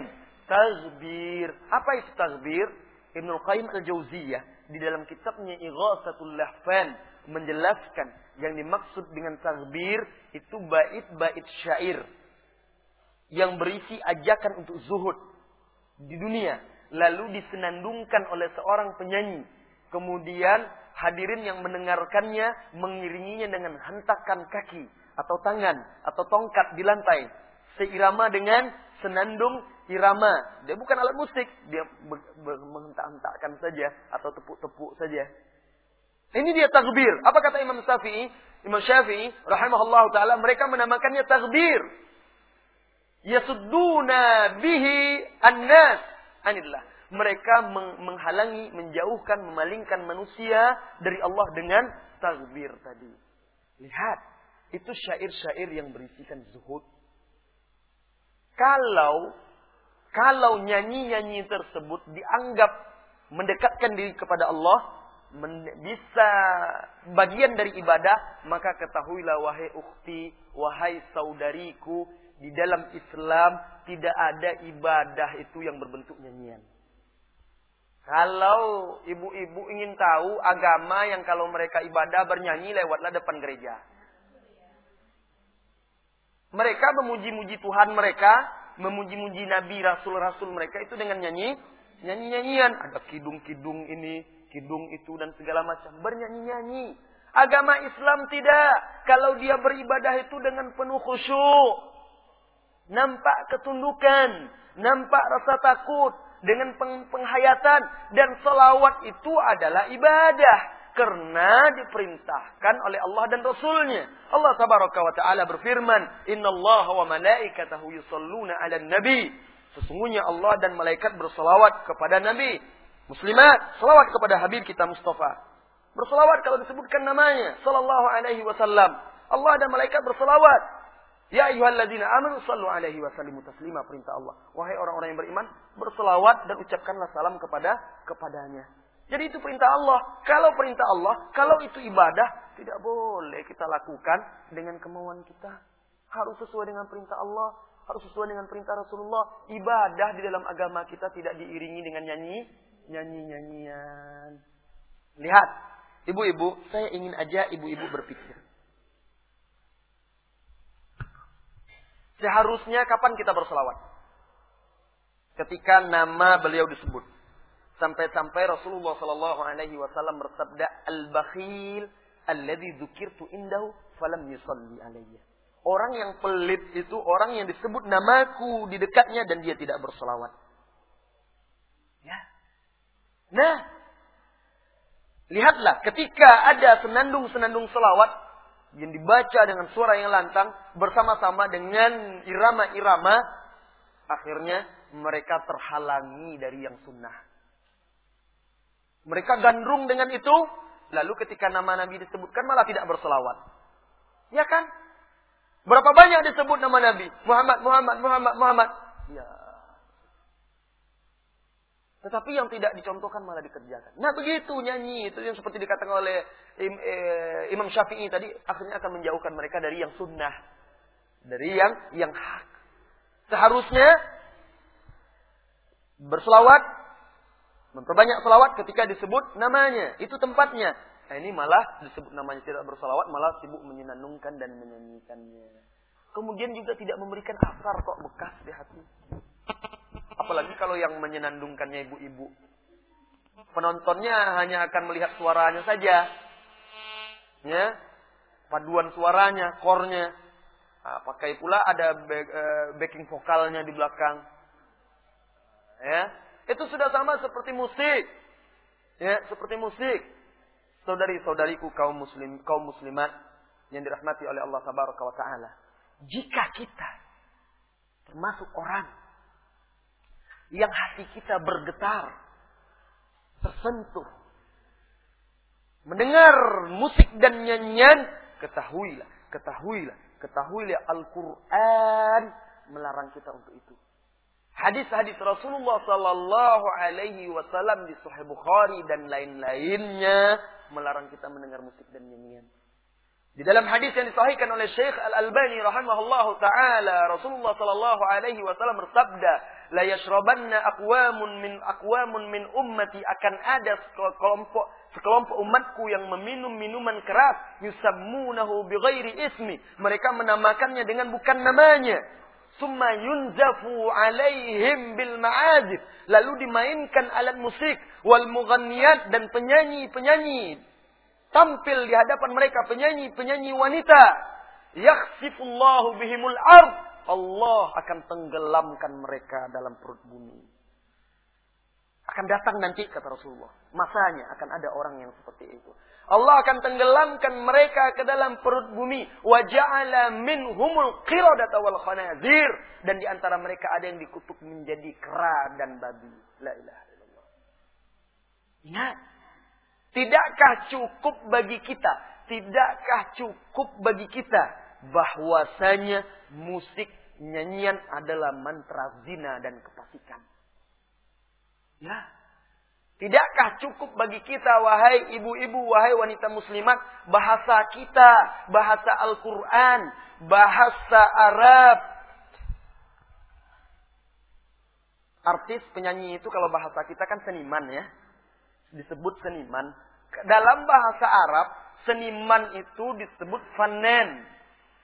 Fanan itu sinonimnya dalam bahasa Arab adalah himar.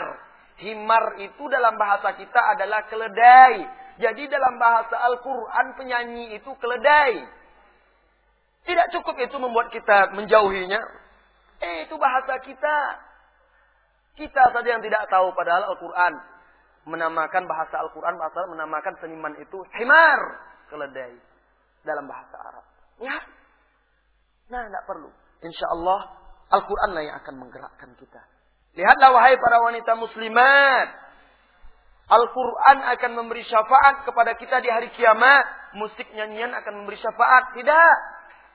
Surah Al-Baqarah, surat Ali, surat, surat Ali Imran dalam hadis Abu Hurairah, hari kiamat ketika manusia dikumpulkan di padang mahsyar, maka surat Al-Baqarah, surat Ali Imran, ka'annahuma ghamamatan, seolah-olah dua awan yang akan menaungi sahibuhuma, menaungi orang yang membaca dan mengamalkannya. Surat Al-Mulk, Tabarak, di dalam hadis Abu Daud juga dikatakan akan memberi syafaat kepada orang yang membaca dan mengamalkannya. Mana ada nyanyian memberi syafaat? Ya. Oleh karena itu, Beribadahlah kita sesuai dengan ajaran Rasulullah Sallallahu Alaihi Wasallam, termasuk salawat itu bagian dari ibadah. Maka hindari bersalawat dengan disertai nyanyi-nyanyian Allah alam. Masih ada pertanyaan yang lain banyak ini. Ustadz, umumnya orang-orang Indonesia dapat ilmu agama hanya di sekolah, SD, SMP, SMA, dan seterusnya. Bagaimana orang tersebut biar sadar hatinya, menyenangkan hati orang tersebut akan tahu ilmu din, cinta kepada Allah, cinta kepada Rasul. Sementara pengajaran-pengajaran yang kebanyakan adalah pengajian bid'ah. Sulit sekali mengajak kepada agama yang hak. Mohon saran, syukron, afwan. Jadi Cara berdakwah mengajak orang tentu berbeda-beda dari setiap kaum atau setiap orang sesuai dengan tingkat intelijensia dia. Tingkat akal dan pola pikir dia, latar belakang dia. Jadi berbeda-beda. Orang desa berbeda dengan orang kota. Orang yang berpendidikan berbeda dengan orang yang tidak berpendidikan. Oleh karena itu, ketika kita hendak berdakwah menyadarkan seseorang, kita lihat kondisi dia Lihat karakter dia. Ada seseorang itu baru dia mau tunduk menerima kebenaran setelah berdebat, berdebat, berdebat. Selagi dia masih punya pelor ditembaknya terus. Habis pelurunya tidak ada senjata dia lagi baru. Oh iya Ustaz. Iya Ustaz. Kalau masih bisa membantah dibantahnya juga. Ada orang seperti itu. Ada juga orang tidak. Karakter dia memang Allah berikan tabiatnya lembut. Sehingga dia tidak bisa dikeraskan. Harus dengan lembut pula ya dihargai, dihormati. Ada pula cara orang dengan diberi hadiah. Diberi hadiah. Lihat Rasulullah dakwah Rasulullah seperti itu. Ada kalanya Rasulullah memberi hadiah. Ada kalanya Rasulullah merangkulnya. Ada kalanya Rasulullah menasehatinya. Walau, bahkan walaupun orang itu pelaku maksiat. Tidak boleh kita menghina dan merendahkannya. Tidak boleh kita merendahkan dan menghinakannya. Saya teringat ada salah seorang sahabat dan itu sahih riwayatnya. Namanya Abdullah. Dalam sahih Muslim. Digelari Abdullah Al-Himar. Abdullah si keledai. Karena orangnya ini suka iseng. Suka menjahili orang. Ya karakter manusia itu di mana-mana ada. Sampai di zaman sekarang kan ada juga tipe orang seperti itu. Dan dia juga suka mabok. Pernah satu kali tertangkap dihadapkan dihadapkan kepada Rasulullah, ditegur, diingatkan, dicambuk. Lalu dihadapkan lagi karena sudah berulang kali terakhir dia tertangkap lagi minum minuman keras, dicambuk sampai Umar bin Khattab radhiyallahu anhu berkata kata dengan mengucapkan kata-kata yang menghina dia. Alangkah hinanya kamu menyusahkan orang, menyusahkan Rasulullah. Sangat sangat besar apa yang kau perbuat ini. Dihinakannya, dicela, apa kata Rasulullah? Jangan.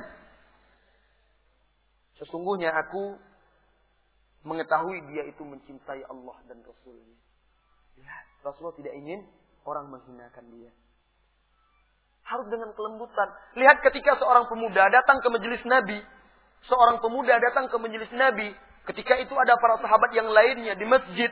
Datang seorang pemuda lalu berkata, Ya Rasulullah, izinkan saya untuk berzina. I'zan li bizina.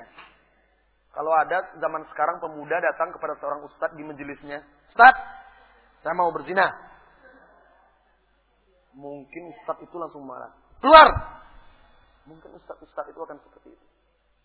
Tapi subhanallah, guru dan suri tauladan untuk para ustadz dan setiap kita.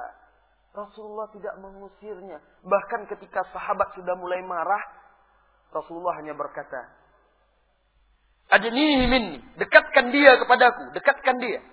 Sehingga pemuda itu dekat. Lalu Rasulullah mengajaknya untuk berpikir. Atardo. Apakah engkau rela? Zina tersebut dilakukan dengan ibumu. Seseorang melakukannya dengan ibumu. La ya Rasulullah, saya tidak rela. Begitu juga kaum muslimin. Manusia tidak rela dilakukan dengan ibu mereka. Fardo. Apakah engkau rela kalau seandainya ada orang yang berzina melakukannya dengan saudarimu? Tidak ya Rasul. Dan begitu seterusnya. Sampai akhirnya anak itu sadar. Dan Rasulullah pegang, kalau tidak salah, kepala atau dadanya. Lalu Rasulullah mendoakannya. Ya Allah, lapangkan dadanya. Terangi jiwanya dan ampuni dosanya. Seperti itu. Jadi berdakwah itu harus hikmah. Dengan lembut. Melihat kondisi orang itu berdakwah kepada orang yang lebih tua tentu tidak sama dengan yang sebaya dengan kita. Atau dengan yang lebih kecil. Gak mungkin orang yang lebih tua kita omeli di depan orang banyak. Kita sampaikan kata-kata yang kasar dan keras. Itu tidak ada, tidak beradab. Mungkin dia mengakui kebenaran, tapi karena dia tidak dihargai, akhirnya dia menolak. Padahal dia tahu itu benar. Nah ini. Jadi, eh, pelajari orang yang akan kita dakwah itu bagaimana karakternya, latar belakang dia, pola pikir dia, sehingga kita bisa masuk bagaimana cara mendakwahi dia dengan dengan benar. Allahu a'lam. Orang tua saya kedua-duanya sudah meninggal. Bagaimana amalan saya untuk mereka? Mengingat ibu saya kuburannya jauh di Ternate. Apakah ziarah adalah ziarah maksudnya? Di sini pakai J. Iya, sama dengan antum.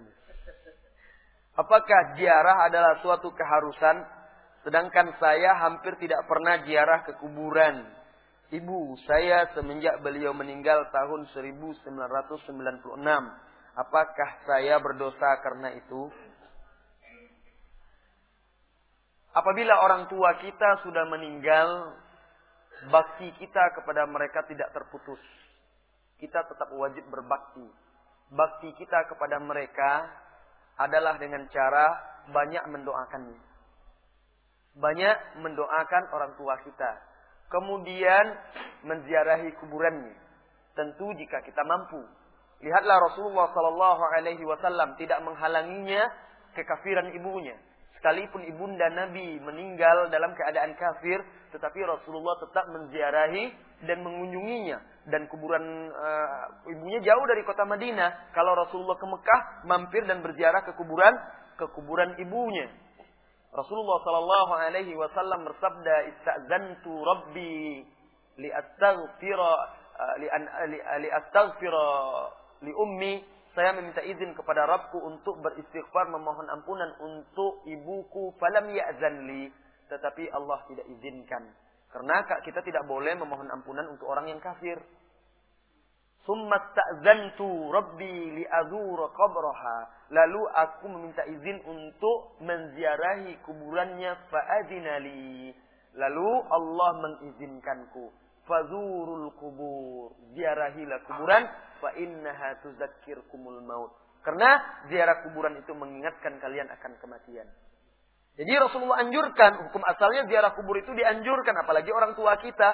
Tetapi tentu kalau kita mampu, kalau seandainya jauh, kita tidak bisa pulang dan segala macam, tidak berdosa selama kita tetap mendoakannya. Doakan dia. Doa itu di mana pun kita berada, tidak mesti harus di kuburan.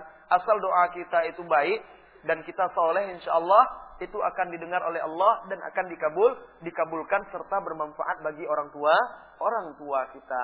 Kemudian cara berikutnya setelah kita mendoakannya, kemudian kita menjalin hubungan baik dengan saudara-saudari ibu kita, bibi dan paman kita. Tetap kita jalin hubungan. Begitu juga kemudian menjalin hubungan baik dengan sahabat-sahabat ibu kita. Kita jaga, itu juga bentuk bakti bakti kita. Kemudian kalau kita punya adik-adik, kita rawat dan kita jaga, menggantikan ibu kita. Itu juga bentuk bakti kita kepada ibu atau ayah kita yang sudah yang sudah wafat. Semoga Allah mengampuni, merahmati orang tua kita yang sudah meninggal. Allahu a'lam. Berkenaan dengan tahun baru, ada sekelompok kaum muslim melakukan zikir bersama dengan keras bahkan sambil menangis. Bagaimana menurut pendapat Ustadz mengenai zikir bersama dan apa hukumnya? Syukron. Afwan. Di dalam hadis Bukhari, Rasulullah sallallahu alaihi wasallam bersabda, "Sab'atun yuzilluhumullahu fi zillihi fi yaumin fi zillihi fi yaumin la zilla illa zillu. Ada tujuh orang, tujuh golongan yang akan dinaungi oleh Allah di padang mahsyar di bawah naungannya di hari yang tidak ada naungan kecuali naungannya. Salah satunya rajulun zakarallah khalian fafadat aina. Seseorang yang berzikir sendirian lalu menetes air matanya, menangis. Rasulullah Shallallahu Alaihi Wasallam juga bersabda, "Ainan la tamussuhu la tamussuhu manar." Ada dua mata yang tidak akan disentuh oleh api neraka. Salah satunya ainun bakat min khasyatillah, mata yang menangis karena takut kepada Allah tabaraka wa taala. Perhatikan wahai saudariku, keutamaan-keutamaan ini adalah orang yang menangis ketika dia berzikir dia sendiri sendirian. Karena itu yang menunjukkan dia ikhlas. Tidak ada orang lain, dia sendiri. Apa yang mendorong dia menangis lagi? Tengah malam dia bangun, tidak ada orang lain. Dia sendiri berdoa, berzikir kepada Allah, memohon ampunan, menetes air matanya. Apa yang membuat dia menangis? Kalau bukan karena takut kepada kepada Allah Tabaraka wa Ta'ala. Ini menunjukkan keikhlasan dia. Tetapi kalau di depan orang itu tidak menjamin keikhlasan. Nonton film India orang menangis juga sebagian. Nonton sinetron menangis juga. Hah? Menangis saja satu orang matikan lampu matikan lampu, kemudian Ustadz berceramah mengingatkan dosa-dosa ini dengan suara yang turun naik, yang nadanya dibuat sedemikian rupa, lalu ada seseorang yang memancing, mulailah. Terbawa-bawa. Itu biasa. Tapi tidak akan menunjukkan keikhlasan seseorang, seseorang yang mendapat keutamaan yang dipuji oleh Allah dan Rasulnya, yaitu ketika dia berzikir dia sendiri, lalu dia menangis.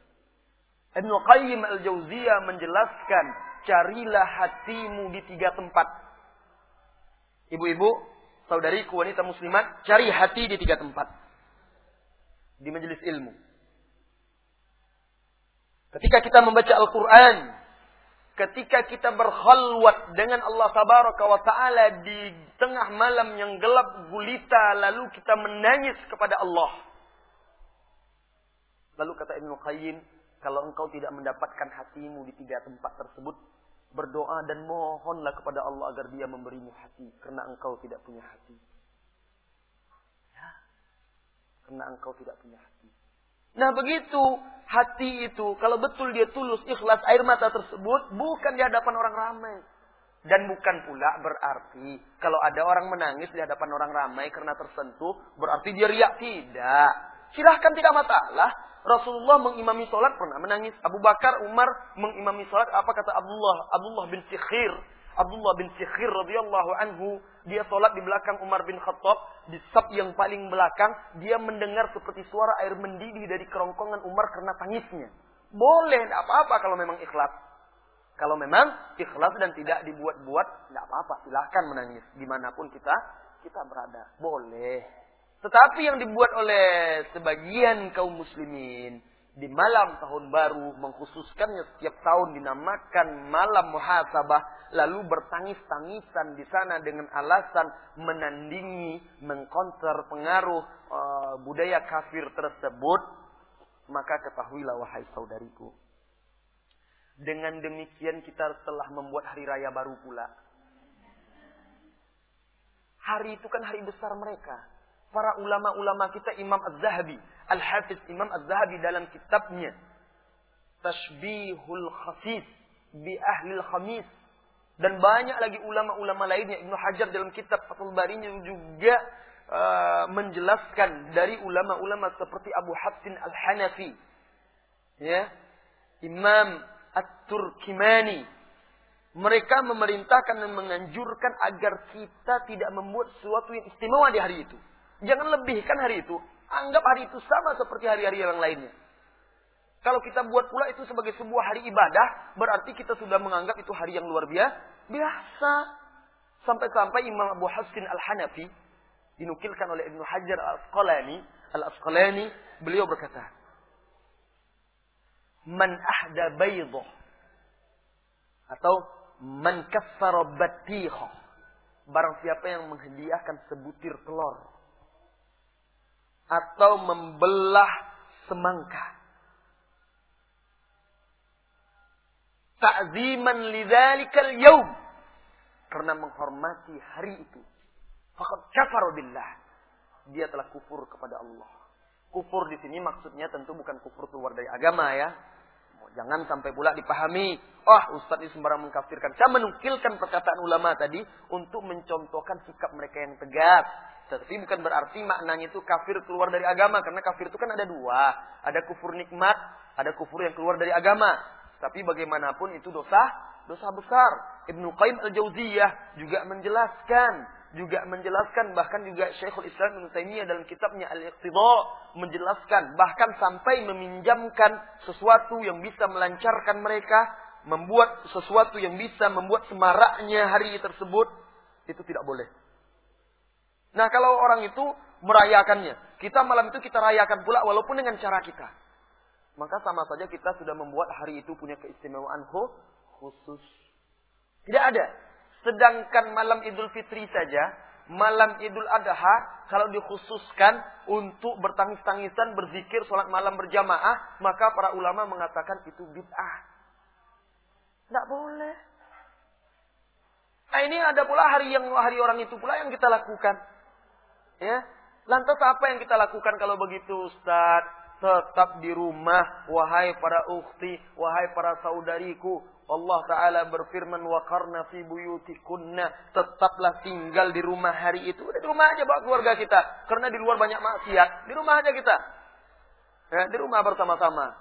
Sudah baca buku, bercerita dan segala macam atau kita pergi ke masjid cari tempat yang jauh dari dari maksiat tanpa melebih-lebihkan hari-hari tersebut. Allahu a'lam.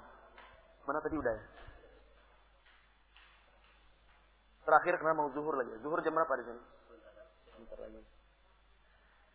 Hari Ibu dirayakan. Bagaimana ibu-ibu yang dirahmati oleh Allah Tabaraka wa taala? Tidak ada ajaran yang paling memuliakan ibu kecuali Islam. Mana agama yang meninggikan derajat ibu seperti Islam itu tidak akan ada. Sampai dijadikan ibu itu sebagai pintu sorga yang tengah oleh Rasulullah Sallallahu Alaihi Wasallam.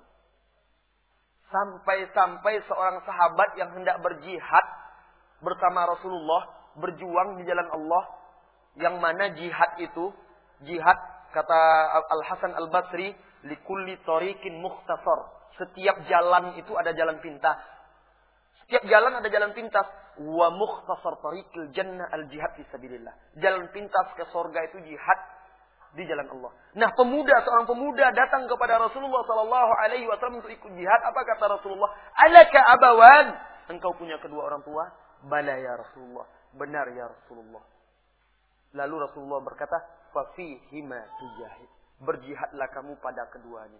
Berbakti, berbuat baik kepada keduanya. Dalam riwayat lain, Rasulullah bertanya bagaimana engkau meninggalkan keduanya. Dia bercerita, aku meninggalkan keduanya dalam keadaan menangis. Fa'adhik huma. Kembalilah buat keduanya tertawa. Sebagaimana engkau membuat keduanya menangis. Lihat. Padahal untuk beribadah, berjihad itu, yang besar pahalanya langsung masuk surga insya Allah kalau mati sahid. Karena dia meninggalkan orang tuanya dalam keadaan menangis, tidak mengizinkannya, disuruh kembali lagi. Ya. Begitu besarnya Islam.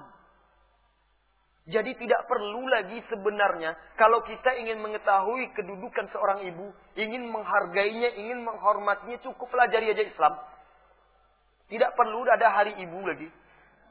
Iya, anak-anak kita tuh ajarkan dia berbakti akhlak yang benar, ajarkan prinsip Islam dan contohkan pula kita berbakti kepada orang tua kita agar anak kita ikut berbakti pula dia maka sepanjang masa dia akan ingat kepada kita. Sepanjang masa anak kita akan ingat kepada kepada ibunya. Ibunya yang dulu bersusah payah hidup mati melahirkannya. Ibunya yang dulu rela, rela menyusuinya daripada berdada seksi. Ibunya yang dulu lebih rela hamil, perutnya buncit daripada berpanggul seksi untuk demi dia, ibunya yang rela tidak tidur malam agar dia bisa tidur. Ingat dia. Tidak seperti sekarang banyak generasi-generasi sekarang anak-anak sekarang tidak peduli sama ibunya. Padahal hari hari ibu terus saja setiap tahun. Ya? Jadi Islam Al-Quran bahkan sudah mengingatkan itu. Melebihkan ibu. Bahkan hak ibu itu tiga banding tiga dibandingkan hak seorang hak seorang ayah. Beruntunglah wanita-wanita yang menjadi ibu di dalam Islam. Kita cukupkan sampai di sini ibu-ibu. Saya mohon maaf. Kesalahan-kesalahan, kekurangan dan khilaf adalah dari saya dan dari syaitan kebenaran hanyalah dari Allah dan dari Rasulullah sallallahu alaihi wasallam.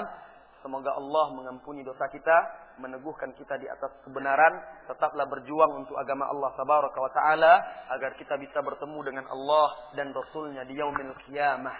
Wa sallallahu wa ala nabiyyina Muhammad walhamdulillahi rabbil alamin. سبحانك اللهم وبحمدك أشهد أن لا إله إلا أنت أستغفرك وأتوب إليك. السلام عليكم ورحمة الله وبركاته.